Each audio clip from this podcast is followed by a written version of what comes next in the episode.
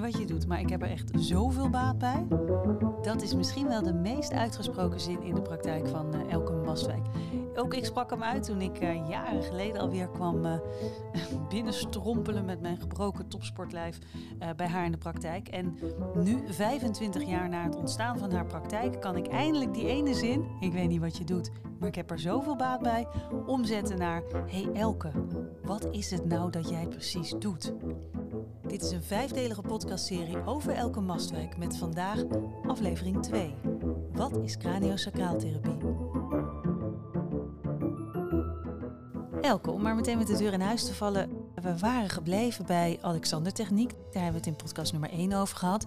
En langzaam gaandeweg kwam er een nieuwe techniek op jouw pad. Uh. Wat is dat? Ja, craniosacraal, dat, uh, dat is een beetje moeilijk uitleggen. Daar ga ik ook de hele podcast over doen. Maar cranium, dat verwijst naar het Latijnse woord voor uh, schedel. En sacraal, dat verwijst naar het Latijnse woord voor het heiligbeen in het bekken, het sacrum. Okay. En het gaat eigenlijk om alles wat zich tussen het hoofd en het bekken afspeelt, het centrale zenuwstelsel. En je hersenen en je ruggenmerg, die zitten in een zak. En die zak, dat is een zak, een anatomische zak. En die heet de durale zak.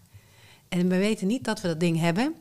En ik heb hem vandaag gegoogeld, want ik wist dat wij deze opname zouden doen. Ik dacht, dan zeg ik gewoon in de opname, google even de durale zak. En dan krijg je een plaatje. Maar dat is dus niet zo. Nee? Google dat niet. je, je, krijgt vooral heel veel enge foto's van snijtafels. Dus ik dacht, oké. dus ik dacht, ja, dan komt er een plaatje van de durale zak. Die kun je op mijn website overigens wel vinden. Maar toen dacht ik, oh, dus zo Noem even je website. uh, dat is elkemastwijk.nl. Ah, lekker makkelijk. Maar, maar je krijgt dus allerlei enge foto's. Dus het betekent dat als mensen erin in snijden, zeg maar, dat je ja, hem wel ziet. Dat je hem wel ziet. Ja, ja ah. er, wordt, er wordt wel ingesneden als dat nodig is. Ja. Met operaties aan de rug. En daar gingen dus al die foto's over. Maar daar hou ik me niet mee bezig. Nee. Als craniosacraaltherapeut. Nee. Maar we weten niet dat we hem hebben. Dat weten artsen dus wel, want die snijden het dwars doorheen. Ja, alle mensen die medisch, uh, regulier medisch geschoold zijn, die, die kennen de durale zak. Wat moet ik weten over die durale zak? Is die belangrijk? Ja, ik zou zeggen dat die durale zak heel belangrijk is. Want die beschermt je ruggenmerg en je hersenen samen met het vocht dat er doorheen stroomt. En dat vocht dat wordt aangemaakt in hersenkamers. En dat stroomt door die zak heen langs je ruggenmerg naar beneden en fungeert als een soort uh, schokbreker. Dus het vangt klappen op. En kan die dan ook lek zijn? Ja, hij kan ook lekken, ja. Hij oh, kan ja? ook lekken, ja. Hij lekt wel eens bij operaties. Ik heb wel eens gehoord van iemand die had een operatie in de neus gehad. En toen had de arts de zak geraakt. En toen was die gaan lekken. En hij kan ook wel eens lekken, volgens mij, als mensen een punctie krijgen. Om te kijken of dat hersenvocht wel oké is.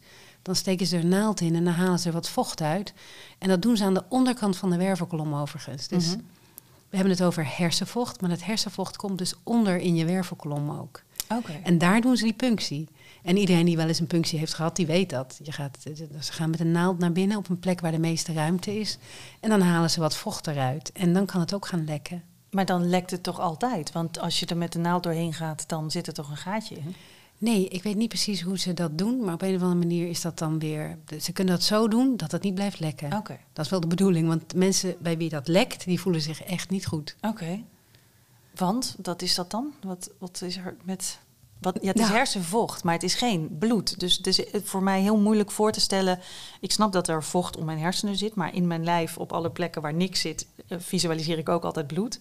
Maar dit is echt iets totaal anders. Ja, dit is iets totaal anders. Maar het moet een bepaalde verhouding blijven. Mhm. De aan- en afvoer moet in een bepaalde verhouding blijven. En als het dus uh, wegstroomt of weglekt, dan is die verhouding weg. En dan voel je je niet goed. Ah, oké. Okay. En die zak, wat heeft dat dan te maken met craniosacraal therapie? Wat doe jij met die zak? Nou, die zak, die, uh, die beschermt je. En die mm-hmm. zit vast aan de botten van de schedel. En die zit vast aan het heiligbeen. En als jij je hoofd stoot of als jij heel hard op je stuitje valt, dan krijgt die zak die krijgt een klap en die kan flexibiliteit verliezen. Dat gebeurt niet als de impact niet groot is of als je het maar één keer in je leven meemaakt. Maar als het vaak gebeurt, en dan moet je denken aan bijvoorbeeld surfers of skiers of snowboarders, die willen nog wel eens vallen, mensen die paardrijden, hockeysters, mensen die paardrijden. Dus die zak is gemaakt van bindweefsel. Dat is flexibel weefsel. Wat klappen op kan vangen, maar het kan ook verstijven. En als het verstijft, dan voel je je niet goed. En craniosacraaltherapeuten kunnen die verstijving opsporen en helpen ontspannen. Oké, en, en dat weet ik nog, want je vertelde uh, in uh, de eerste aflevering, uh, voor de mensen die die misschien nog niet gehoord hebben, je vertelde in de eerste aflevering dat jouw vriend had ontzettende rugpijn, een toenmalig vriend, en uiteindelijk kon je dit met jouw bewegingstechniek, de Alexander-techniek, niet oplossen. En toen kwam je bij een mevrouw die craniosacraaltherapie toepaste en die deed heel weinig. En dat hele weinig was genoeg. En dat, die had verteld dat dat met het pulsen van een zak te maken en zij kon dat voelen. Ja. Maar hoe ben jij dat dan gaan leren voelen? Nou, in eerste instantie heb ik natuurlijk gezien wat zij deed en ik zag niet zo heel veel. Maar ik zag wel het effect. En daar werd ik zo doorgegrepen dat ik dacht, ik moet begrijpen wat hier gebeurd is.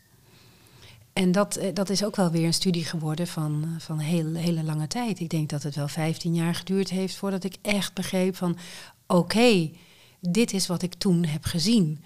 Omdat je werkt met een zak van bindweefsel die heel diep in het lichaam zit. En je, we kunnen hier niet bij. Nee. Dus ik moet via omwegen, via de plekken waar dat bindweefsel is aangehecht, kijken of ik het kan verleiden, zo zie ik dat, tot loslaten. En dat, dat, dat is best ingewikkeld. Het zit heel diep. Het is de bedoeling dat het diep is. Het zit achter de botten van de schedel ook. Daar kun je niet bij. Dus er zijn allerlei technieken voor ontwikkeld in craniosacraaltherapie om dat heel zacht te helpen loslaten. En, en je hebt er 15 jaar over gedaan. Is daar een studie voor craniosacraaltherapeuten? Ja, ik heb eerst um, van mijn collega geprobeerd het te leren. Ik dacht, misschien kan zij mij leren wat ik moet weten. Maar zij was een hele intuïtieve vrouw die dit heel goed kon. Maar zoals heel vaak met intuïtieve mensen, ze weten zelf niet hoe ze doen, wat ze doen. Mm. En daarom kunnen ze het ook niet uitleggen. En toen ben ik naar het Upledger Instituut gegaan in Nederland, in Doorn. Daar is een opleiding voor, craniosacraaltherapie, en die ben ik gaan doen. En die opleiding die, die staat open voor mensen die al lichaamswerk doen, maar ook voor mensen in de verpleging, mensen in de reguliere zorg. Er zit ook wel een tandarts, zat er toen ik er was ook.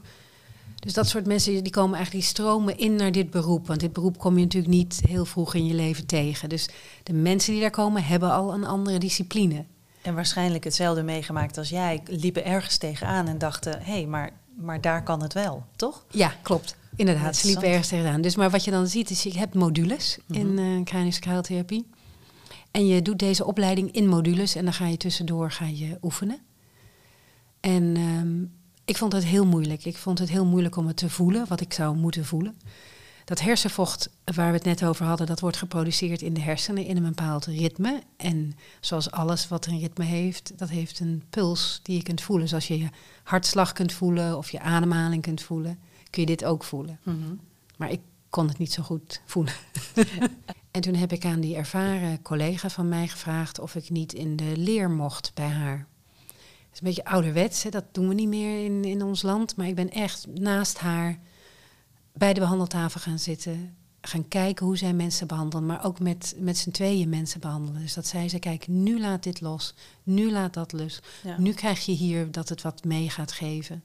En door dat iedere keer te benoemen, dat hele kleine, subtiele loslaten, ging ik het ook leren. Ja, ja, dus je voelde eigenlijk als zij zei het laat los, dan dacht jij, wat voel ik nou? Ja. Oh, dus dat is het loslaten. Ja, precies. Ja, precies. Ja, dus heel erg intensief onder begeleiding. Maar dit was eigenlijk een begeleiding die ik voor mijzelf had geregeld. Ja. Die kwam niet uit de opleiding. Nee, die hoort, dus er zijn ook een hele hoop mensen die opgeleid zijn en ja, dan het misschien wel of niet voelen, maar dan worden ze craniosacraaltherapeut. Ja, maar dat is niet erg, want ik zeg altijd, iedereen die craniosacraaltherapeut wordt, die komt, die stroomt in vanuit een andere discipline. Ja. Dus een manueel therapeut zal misschien andere accenten leggen in de craniosacraaltherapie ja. dan een tandarts. Ja. En een masseur zal weer misschien andere accenten leggen. Maar daar komen we uit bij wat, wat, waar ik door ben gegrepen. Want je zei net aan het begin dat ik afscheid had genomen van de Alexander-techniek om dat craniosacraaltherapie te gaan doen, maar dat is niet zo. Ik ben het gaan combineren. Ja, uiteraard. Nee, je hebt hem in je rugzak. Ik heb hem in mijn rugzak, maar ik heb er ook hele, want mijn, mijn eerste vak is hoe krijg ik mensen uh, ontspannen en uh, tot vrijer bewegen? Hoe mhm. help ik mensen daarbij? En die craniosacraaltherapie, dat ontspannen van die bindweefselzak, dat helpt enorm om vrijer te bewegen. Ja. Dus mijn focus in de craniosacraaltherapie is altijd... kun jij nou ook beter bewegen als je een craniosacraalbehandeling van mij gehad hebt? Ja, ja, maar kies jij dan echt als er iemand binnenkomt, wat heeft die nu nodig? Ja, Oké, dus, dus als iemand binnenkomt is het echt, eh, oké, misschien wil die, eh, wil het lichaam, want het lichaam beslist denk ik, neem ik aan. ja. Ehm, of het meer om de beweging gaat of meer om een van de andere technieken die je in de rugzak hebt. Maar altijd als doel om iemand zo ontspannen mogelijk weer te laten bewegen, toch? Ja, precies. Ja. Want dat is natuurlijk mijn eerste opleiding. Dat is ook mijn fascinatie. Dat Mhm. ik denk van als er een bewegingsbeperking is die niet veroorzaakt wordt door een scheefstand van botten, want dat kan ik niet corrigeren. Maar als het uit het zachte weefsel komt, namelijk aan iets wat mensen met hun spieren doen, of iets wat het bindweefsel laat zien, Ja. dan gaat er een soort detective mind bij mij wordt wakker en die zegt: hoe dan? Waar Ja, dan? Waar Ja. zit de restrictie? ja. En hoe kan ik je helpen om die op te lossen? En kies je dan zelf de volgorde of laat je dat ook het lijf bepalen? Nou, weet je, het lijf bepaalt natuurlijk heel veel, maar ik doe alles in overleg met de cliënt. Want soms komen mensen binnen en die zeggen, nou, ik ben eh violiste. Ik wil graag Alexander-techniek om beter viool te kunnen spelen. En dan doen we uiteraard Alexander-techniek. Maar als ik op een gegeven moment zie van, hé, hey, je speelt al zo lang viool en eh, je bent ook nog van je fiets afgevallen drie jaar geleden en je hebt daardoor een verstijving van het bindweefsel en dat zorgt voor een verkramping van je linkerschouder, die eigenlijk meer is dan je zou verwachten van iemand die viool speelt, zullen we daar eens een craniosacraal sessie aan wijden om te kijken of als ik dat bindweefsel losmaak, of je dan beter viool speelt. Ja. Dus ik, ik combineer het altijd. Dus je benoemt het ook echt bij cliënten. Ik ga Ja. nu dit en ik Ja. ga nu dat doen. Ja, Precies. Oké. Nou, als je iets leert, dan leer je de Alexander-techniek. Ja. En als je een behandeling, als je een behandeling van craniosacraaltherapie krijgt, dan dat onderga je echt. Er komt bijvoorbeeld iemand bij mij binnen met een frozen shoulder. Die heb ik eerst op de behandelbank ontspannen met craniosacraaltherapie. Dus ik heb gezocht naar verstijvingen van het bindweefsel in het lichaam. Die heb ik helpen ontspannen. En vervolgens in de laatste 20 minuten van het consult ga ik haar leren hoe ze haar schouder zelf kan loslaten. Dus, dus dat doe ik dan met de Alexander-techniek. Dan Ah. leer je weer wat je moet laten om optimaal te kunnen bewegen. En dat is echt letterlijk, eh, je, mevrouw, u houdt uw schouder omhoog en visualiseer nu eens hoe het is om. Of hoe moet ik dat zien? Hoe leer je dat iemand? nou, kijk, als iemand heel erg veel spanning op de schouders heeft, dan, om- dan weten ze dat omdat ze pijn hebben. Maar een groot deel daarvan ontsnapt ook aan het bewustzijn. En wat je met Alexander-techniek leert, je wordt je echt bewust van wat je met die schouder doet. Ah. En dat doe ik met aanraking, dat doe ik door uit te leggen hoe de anatomie van die schouder in elkaar zit, waar ze hem optrekken en hoe ze hem het beste los kunnen denken. Ja, ja. Dus ik leer iemand van, laat dat nou eens. Als je Ja. het nou laat, ehm, dan hou je over wat je nodig hebt aan spanning. En dat leren, dat gaat gedeeltelijk via mijn aanraking en gedeeltelijk via hun eigen brein die beseft van, verrek, ik hou nog steeds heel veel spanning op die schouder vast. Kan ik er daar wat in loslaten? ja. En, en voor zoiets, hoe vaak komt dan iemand nog terug? Is, heb, je, heb je daar een idee bij? Je hebt dit natuurlijk al 25 jaar gedaan. Ja, hoe vaak mensen terugkomen, dat, dat wisselt heel erg. Want dat hangt af van de aard van de klacht die ze hebben. En ook van het, of ze onderliggende aandoeningen hebben. Ja. Dat Ja. horen we nu met de coronapandemie de hele tijd. Mensen die onderliggende aandoeningen hebben, die lijden meer onder een eh, besmetting Mhm. met het coronavirus. En zo is het ook met spanning in je lijf. Als je alleen die schouder gespannen is en het is kort geleden gebeurd en je komt bij mij en ik maak hem los, dan ben je binnen drie keer klaar. Ja. Maar als je eigenlijk ook al een nekhernia hebt en een verstuikte enkel en een nieuwe knie, Ja. ja. weet je, dan is dat lijf al eh, verstijfd op meerdere plekken. Ja. En dan is het niet zo makkelijk. En dan kun je wel tien keer terugkomen. Ja, en ik denk dat mensen ook niet zelf doorhebben. A, dat ze een craniosacrale zak hebben. En B, dat die best wel verwrongen kan zijn of vast kan zitten of stijf kan zijn. Want dat weet je niet. Dat is niet iets wat je leert van, goh, is het met jouw craniosacrale zak? Nee, maar dat zou wel een hele goede vraag zijn. Goh, hallo, ik heet Mark. Hoe is het met jouw zak? Ja, dat vind ik wel een vraag die we elkaar kunnen stellen. Want kijk, die, die craniosacrale zak hè, waar we het net over Mhm. hadden, dat is de kern van je bindweefsel. Dat omringt je hersenen en je ruggenmerg. Maar het, is, het reageert op al het andere eh, bindweefsel in je lichaam. Waarom? Omdat eh, het bindweefsel waar ik op werk, is het bindweefsel wat eigenlijk als een soort netwerk door je hele lichaam zit. Het zit om en in iedere spier, ieder bot en ieder orgaan. Dus dat werkt allemaal op elkaar heen in. Dat verhoudt zich tot elkaar. Dus, maar wacht even, want, want wat is bindweefsel dan precies? Is dat een, zijn het draden? Is het kraakbeenachtig spul? Probeer het eens te duiden. Want, want ik denk dat hele mensen niet weten wat bindweefsel is. Een spier weten we allemaal. We stellen ons dat voor als een wit ding en die kan knappen. Een bot weten we ook. Maar wat is dan bindweefsel? Nou, ik, volgens mij is het, als je het zou moeten definiëren, is bindweefsel een bouwsteen van fysieke structuren. Mm Dan weet je nog niks als ik dat zeg. Maar het is, uh, je kraakbeen is bindweefsel. Je gewrichtskapsels is bindweefsel. Je ah. pezen zijn bindweefsel. Oh, Oké. Maar je hebt ook onderhuidsbindweefsel. En je hebt uh, bindweefsel dat eigenlijk om je organen heen zit. Dus alle organen mhm. zitten in een zak van bindweefsel. En als ik het een soort levendig zou moeten maken met een voorbeeld, dan zeg ik altijd: als je een citrusvrucht schilt en je hebt de schil eraf, dan zie je daaronder een wit laagje. Ja. Nou, als je bij ons uh, de sectie zou doen, dan zie je dus ook witte laagjes van dat bindweefsel. Het is, sommige bindweefsel is dikker, sommige is dunner. En maar als je zo'n sinaasappel schilt die komt op die eerste laag, dat zou je dan kunnen zien als bindweefsel. Dat houdt die sinaasappel bij elkaar, als de huid weg is. Ja, ja, Als je nou die sinaasappel doorsnijdt en je ziet die, dat, die vrucht, dat vruchtvlees zitten in kleine vakjes, dat zou je ook kunnen zien als bindweefsel. Dus ieder vakje, ook die witte dingen op, daar zitten vliesjes, daar zitten vliesjes wat het vruchtvlees op zijn plek houdt. Dus dat is bindweefsel. Ook, ook bindweefsel. Zo zou je het kunnen vergelijken. Dus wij hebben ook bindweefsel dat houdt dat beschermt, maar dat houdt ook dingen ten opzichte van elkaar op zijn plek. Als die sinaasappel dat niet zou hebben, als je dan de schil eraf haalt, ja, dan zit je al in de pulp van het vruchtvlees. En als dat vruchtvlees niet allemaal in een eigen vakje zit, en dan is het op transport, is het als jus Snap je? Dus ja. zo, is, zo moet je het zien. Het, het, het, verbindt, het verdeelt, uh, het, het houdt dingen bij elkaar. Ja, ja. Ja? Want dan is dan wat je doet met kruinenschaal dus meer dan alleen maar met die durale zak. Want dat is niet het enige bindweefsel. Je hele lijf zit vol met bindweefsel. Je hele lijf zit vol met bindweefsel en het werkt allemaal op elkaar in. Maar waar mijn passie ligt, is bij die durale zak. Want uh, de spanning op die zak, dat wordt heel vaak gemist. Dus als jij gezond bent, als jij um, nooit een ongeluk hebt gehad, nooit een beugel hebt gedragen, dan, heb je, dan is die, de, de kans dat die bindweefselzak gewoon elastisch is en jou goed beschermt en dat je er geen last van hebt. Mhm. Maar stel, je loopt hier tegen de trap aan, je stoot je hoofd, je voorhoofd, pal achter het bot van je voorhoofd begint die zak al en dat bindweefsel verstijft als reactie op die klap. Nou zul je even denken, wow, daar ben ik goed vanaf gekomen. Weet je, ik ben niet flauw gevallen, ik ben oké, ik ben een heel klein beetje duizelig. So far, so good.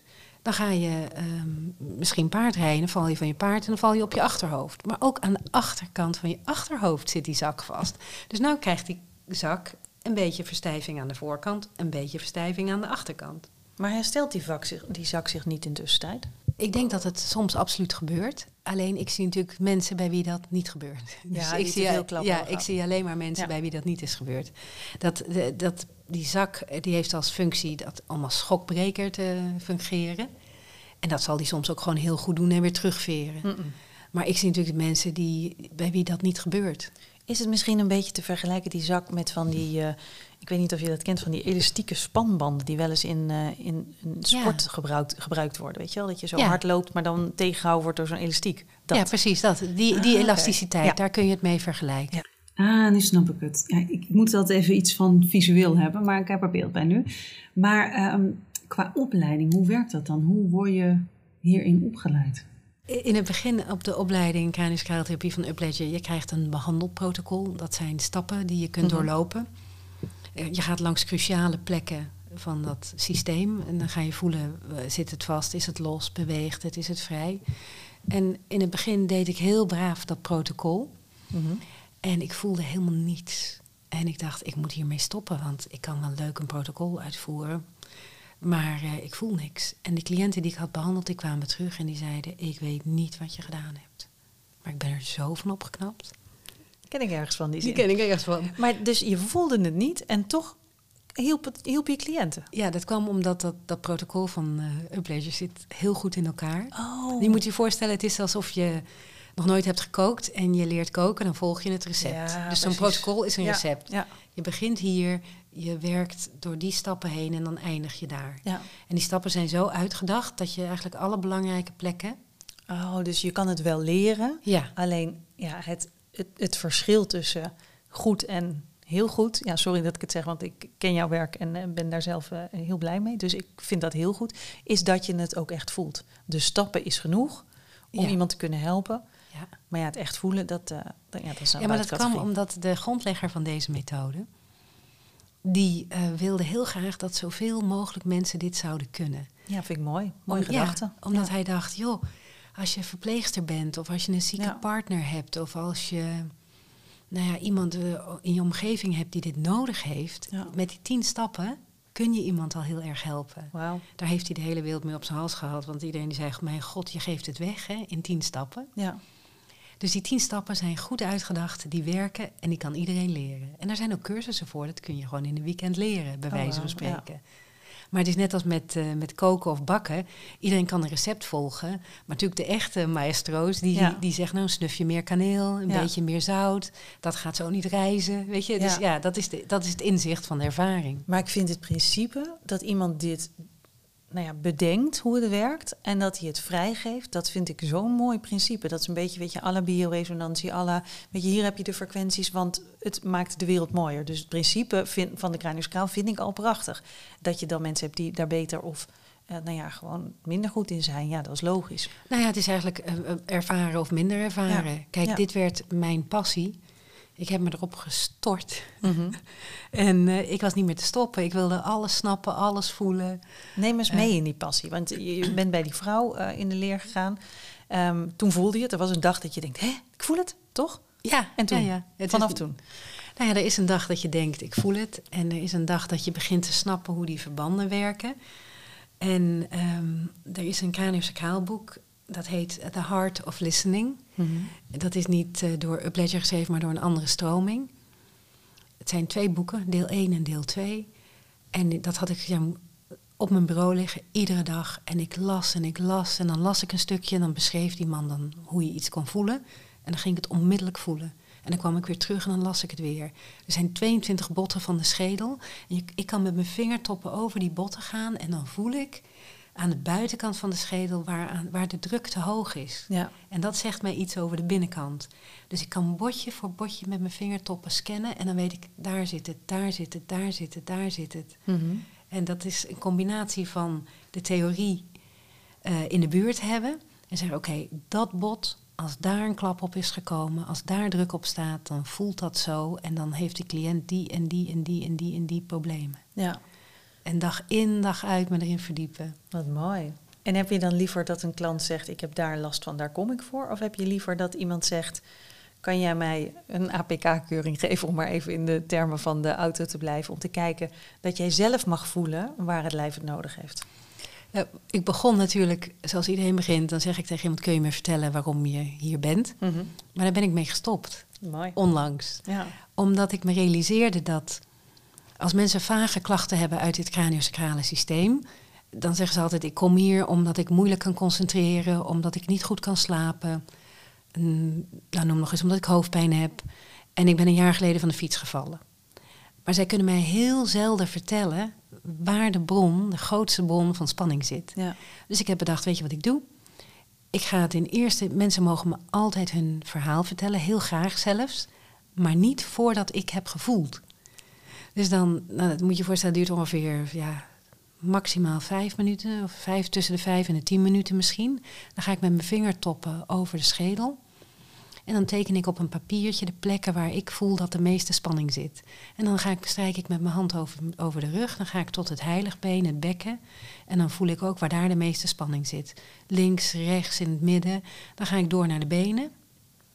Dan voel ik de voeten, de Achillespezen, de knieën. En dan teken ik gewoon op een papiertje. Nou, ik voel bij jou hier allerlei spanning. Dan teken ik op dat papiertje de banen in, waarvan ik denk, zo moet het in jouw lichaam trekken. Mhm. En dan kan ik al bijna zeggen hoe iemand loopt, waar die last van heeft. En, eh, en dan kijken mensen naar het papiertje.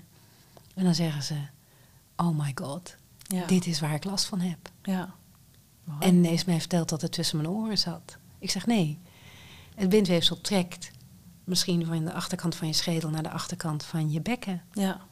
En daardoor, heb jij, eh, daardoor krijg jij een bewegingsbeperking en pijn. Ja. En zijn er veel mensen die zeggen, het, uh, ze zeiden dat het tussen mijn oren zat? Ja, heel vaak. Dat wordt echt vaak gezegd, hè? Er wordt heel Ja. vaak gezegd. Dat komt omdat eh, verstijfd bindweefsel eh, niet gezien werd als, iets, als een aandoening, als iets waar je last van kon- kunt hebben. Nee. Dus als mensen, ik, ik, ik heb ook wel eens mensen in de praktijk die hebben dan hele eh, gespannen schouders. En dan voel ik de schedel en dan voel ik al, oh, die spanning komt eigenlijk uit het gebied van de schedel. En als ik dat ontspan, dan zakken die schouders meteen. Ja. Terwijl zij te horen hebben gekregen van ja, je bent te gespannen, je kunt die schouders niet laten zakken. En die mensen doen yoga en Ja. ademhaling. En, ja. ja, Je doen moet er maar alles mee, aan. eh, leren je moet er maar leven. mee leren leven. Of ja, zo ben je nou eenmaal. Je Ja. bent een stresskip. Ja. Dus dat. eh, Je ja, houding. je houding. Ja. Ja. Ik heb bijvoorbeeld iemand in de praktijk gehad die eh, had haar hoofd gestoten. En dat was niet zo bijzonder. Dat was een, een tikje. En eh, anderhalf jaar later komt ze dan bij mij op de praktijk en die zegt: Ik heb zo'n last, ik kan niet werken, ik kan me niet concentreren, ik kan niet goed slapen. Ik, ben, ik sta voortdurend aan, alsof ik ja, altijd maar stress heb. Terwijl ik mijn leven, ik heb mijn agenda leeggeveegd, ik heb mijn baan opgezegd. Nou ja, zo. En ik leg mijn handen op dat lichaam en ik zeg: Jij bent plat op je rug gevallen, ooit in je leven. Ik voel het aan de, aan de spanning op het midden van je rug. Mhm.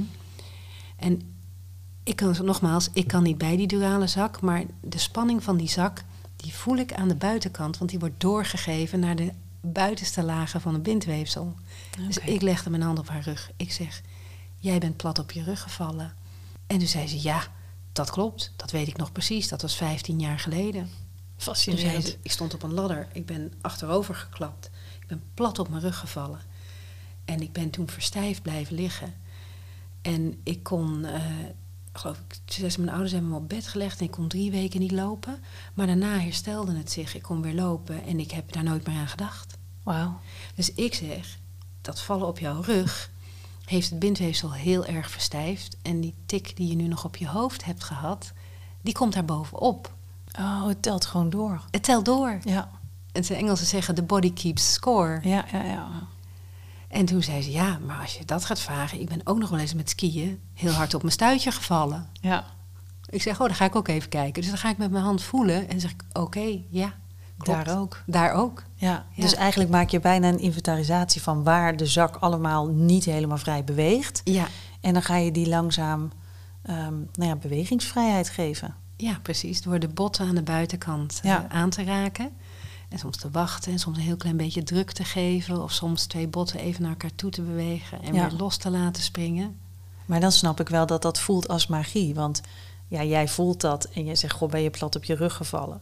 En zij denkt, wat heb ik hier? Net als jij bij die vrouw keek, toen met, Ja. je, met je vriend, zeg maar, helemaal in het begin, voordat je eh, dit, dit vak zelf uitoefende. Dat je denkt, ja, maar ze doet niks. Ja, maar zij voelt dus, jij voelt dat dus echt. Ja, ik, Ik voel wil dat ook echt. Ja, ja, dat snap ik. Maar even, eh, hoe lang heb je erover gedaan? Hoeveel jaar moet ik dan studeren? Nou, vijf tot tien jaar wel. Inmiddels is het eh, veel bekender. Mhm. Er zijn eh, de Latijnse naam voor bindweefsel fascie, dat hoor je overal. Mayo eh, fascia release hoor je overal. distortion. Ja, je hoort ook, eh, ik zag laatst op Facebook een post langskomen. eh bindweefsel, eh, dat ging over bindweefsel bij dieren, Mhm. bij paarden. Dat kan eh, invloed hebben op gedrag en beweging. Mhm. Toen dacht ik, jippie, weet je, dat roep ik, dat roep ik al Ja. sinds 2005. Ja. Dus dat, eh, ja, dus nu is het bekender, maar toen helemaal niet. Maar ik merkte en ik voelde bij mijn cliënten, ze hebben last van verstijving van het bindweefsel. Ja. Van de diepe, diepe, diepe bindweefsel van de durale zak tot het bindweefsel wat helemaal aan de buitenkant zit. Oké. En, en dan heb je die kennis. En heb je dan niet zoiets, dit moet ik van de daken schreeuwen? Ja, zeker. Ik wilde alles van de daken schreeuwen. Maar dat kun je wel doen, maar het is best wel ingewikkeld. Omdat eh, de, ja, ik vond geen gehoor. Maar ik bedacht, weet je wat ik ga doen? Ik ga ehm, kijken of ik kan spreken op congressen van mijn eerste beroep, Alexandertechniek. De bewegingsleer, of ik daar in ieder geval aan mijn collega's Alexandertechniek uit kan leggen. Hoe bindweefsel, eh, verstijving en spanning eh, beweging kan beperken. Je had een missie. Ik had een missie. Ik ging dat vertellen. Ja. En ik dacht, nou, hier hebben mensen geen belangstelling voor. Weet je wat ik... Dan vraagt zo'n congresleiding, die zegt... oké, hoeveel mensen verwacht je op jouw workshop? Ik zeg, nou, tien. En uh, dus toen gaan ze met een hele kleine kamer met een, met een beamer en, uh, een PowerPoint. Of die hadden we nog niet in 2005 misschien. Maar goed, in een hele kleine kamer met een beamer. En daar zat ik. En het was afgeladen vol. Oh ja. Er konden niet meer mensen bij. Ik denk dat 50 mensen zich in een kamertje gepropt hadden. Ja, maar die liepen het waren allemaal mensen, therapeuten uit de Alexander-techniek. Dus die kwamen allemaal hetzelfde probleem tegen. Dat ze ooit bij sommige mensen niet verder kwamen. Precies. Ja. En die wilden van mij wel eens weten wat ik daar uh, op bedacht had. Ja, ja, wauw. Dus toen ben ik, uh, dat was uh, geloof ik de eerste congres waar ik sprak was 2008 en toen 2011 en toen 2015. En wat daaruit voort is gekomen is dat collega's mij die zeiden: Goh, wil je naar, naar ons toe komen om ons workshops te geven en mm -hmm. bijscholing en nascholing? En zo ben ik in Zwitserland terechtgekomen, in Oostenrijk, in Duitsland, in België, in wow. Amerika. Wauw, dat wist ik helemaal niet. Nee, nee, dat weten heel veel. Dat staat ook wel op mijn website. Maar goed, als mensen bij mij in de praktijk ja. komen, dan weten ze dat niet. En um, toen zeiden ze: Wil je ons nascholing geven op dit gebied? Dus mm -hmm. dat wij als Alexander leren hoe wij verstijfd bindweefsel kunnen herkennen. En eventueel, want als je het herkent, dan, ook al kun je het zelf niet oplossen, kun je in ieder geval doorverwijzen. Ja. Dus ik ben allerlei cursussen gaan geven van hoe herken je dat nou? En dat vond ik ontzettend leuk om te doen. En deed je dat dan volgens de modules die jij geleerd had, zodat iedereen het kon weten? Ja. Of die modules ja. leerde je dan gewoon weer door? Ja, de tien stappen tien deden stappen. we dan. Dat mensen echt konden voelen van wat gebeurt er nou als je deze tien stappen doorwerkt. Ja, ja, ja. En sommige, sommige collega's die, die doen dat nu zelf ook, maar de meeste zeggen van oké, okay, ik heb deze kennis, ik herken nu wanneer de verstijving of de beperking uit een andere laag komt en ik verwijs gewoon door. Dat okay. kan ook. Ja, tuurlijk. Ja. Dus dat is natuurlijk ook het doel ja. van nascholing en bijscholing. Wauw. En uh, je stipte ook al even aan uh, uh, dieren, dat bindweefsel bij dieren langzaam bekender wordt, maar daar werk je ook mee, toch? Daar werk ik ook mee. Ja, dat is passie nummer drie. Oh ja? ja, daar ben ik echt ook heel erg bevlogen. En wanneer over. is dat begonnen dan? Nou, dat is begonnen, dat is ook een vreemd verhaal ik heb veel ruiters in de praktijk die paardrijden. En want die vallen natuurlijk nogal eens van hun paard, dus die hebben hun hoofd al gestoten, die zijn op hun bekken gevallen, dus die willen nogal eens verstijving hebben van het bindweefsel. En op een gegeven moment dan liggen ze bij mij op de behandelbank en dan voelen ze die weldaad van ontspanning en dan zeggen ze, oh, dit zou ik willen voor mijn paard. Oh, echt? En dan zeggen, en denken ze dat, dat Die echt letterlijk, ja. ja. En, dan, en dan knikte ik, ja, dat zou, leuk, dat zou leuk zijn voor je paard. En dan besteed ik verder geen aandacht aan. Maar op een gegeven moment vroegen ze mij: wil je niet een keer mijn paard komen behandelen? En dit was een tijd dat er in Nederland nog geen craniosacraaltherapie voor paarden was. Dus nu, als je googelt, vind je overal een craniosacraaltherapeut voor paarden, maar dat was toen nog niet zo. Mm -hmm. Dus mensen zeiden tegen mij: kom mijn paard behandelen. Ik heb dat tien jaar geweigerd. Nee. Ja, het is mij tien jaar lang gevraagd. Waarom weiger je dat? Omdat ik dacht: ik kan niet zo goed met paarden omgaan. Huh? Ik heb niks met paarden ja, ik heb als kind wel gereden en dat was een grote hobby, maar dat was 27 jaar daarvoor. Zoals zoveel kinderen wel eens een, een passie hebben voor, voor een sport. Maar ik had natuurlijk 27 jaar niet meer naast een paard gestaan en dacht ik, wat moet ik daar dan mee? En je kent de anatomie van een paard natuurlijk minder goed dan van een mens. Ja, ook dat. Ja, dus waar zit die zak bij een paard, zou je dan denken? Nou, die is nog wel te vinden. Want die omringt de hersenen en het ruggenmerg. Dus, ja, zo moeilijk is het dus die, die, zit heel diep. Nee. Maar ik dacht, kan ik dat dan wel voelen? Ja. Voelt dat op dezelfde manier aan als bij mensen? Maar het was heel raar, want die vraag werd mij steeds gesteld.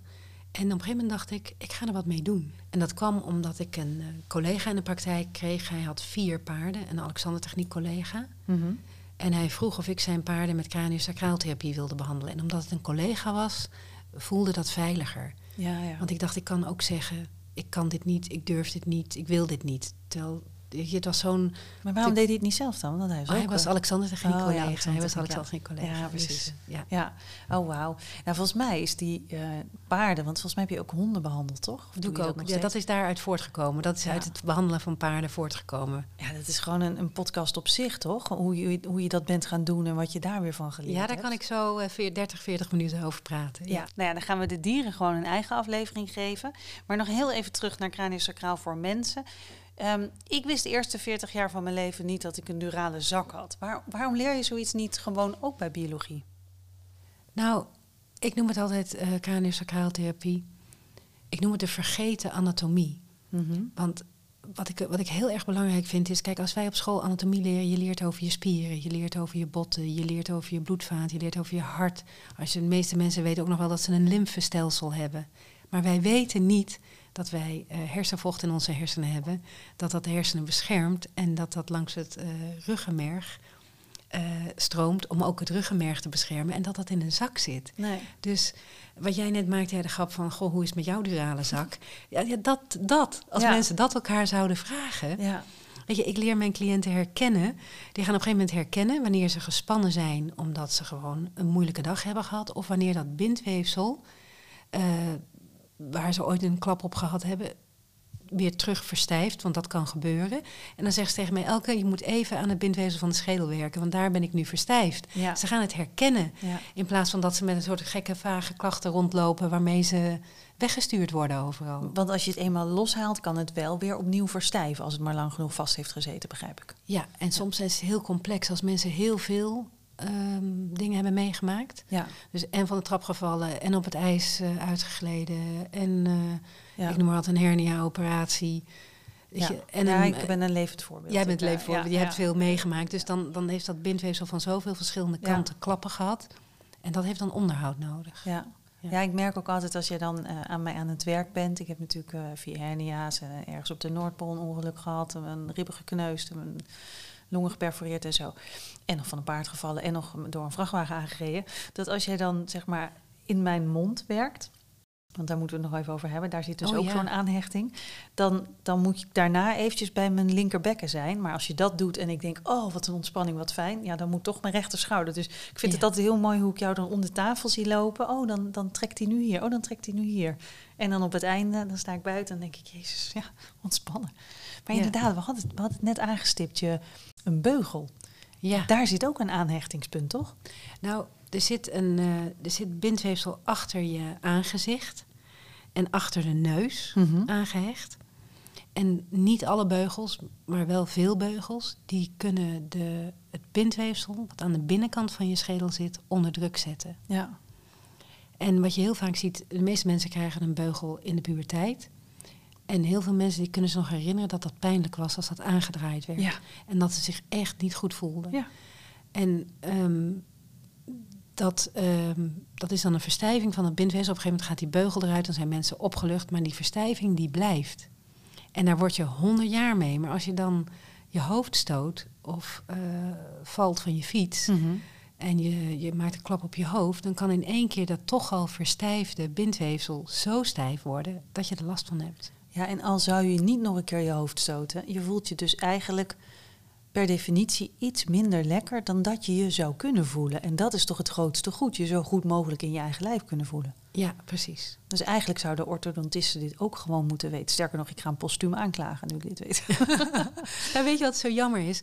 Dat de, ik, zeg wel, ik vraag wel eens aan mensen, heb je een beugel gehad? En dat, beugels zijn er in allerlei soorten. Hè?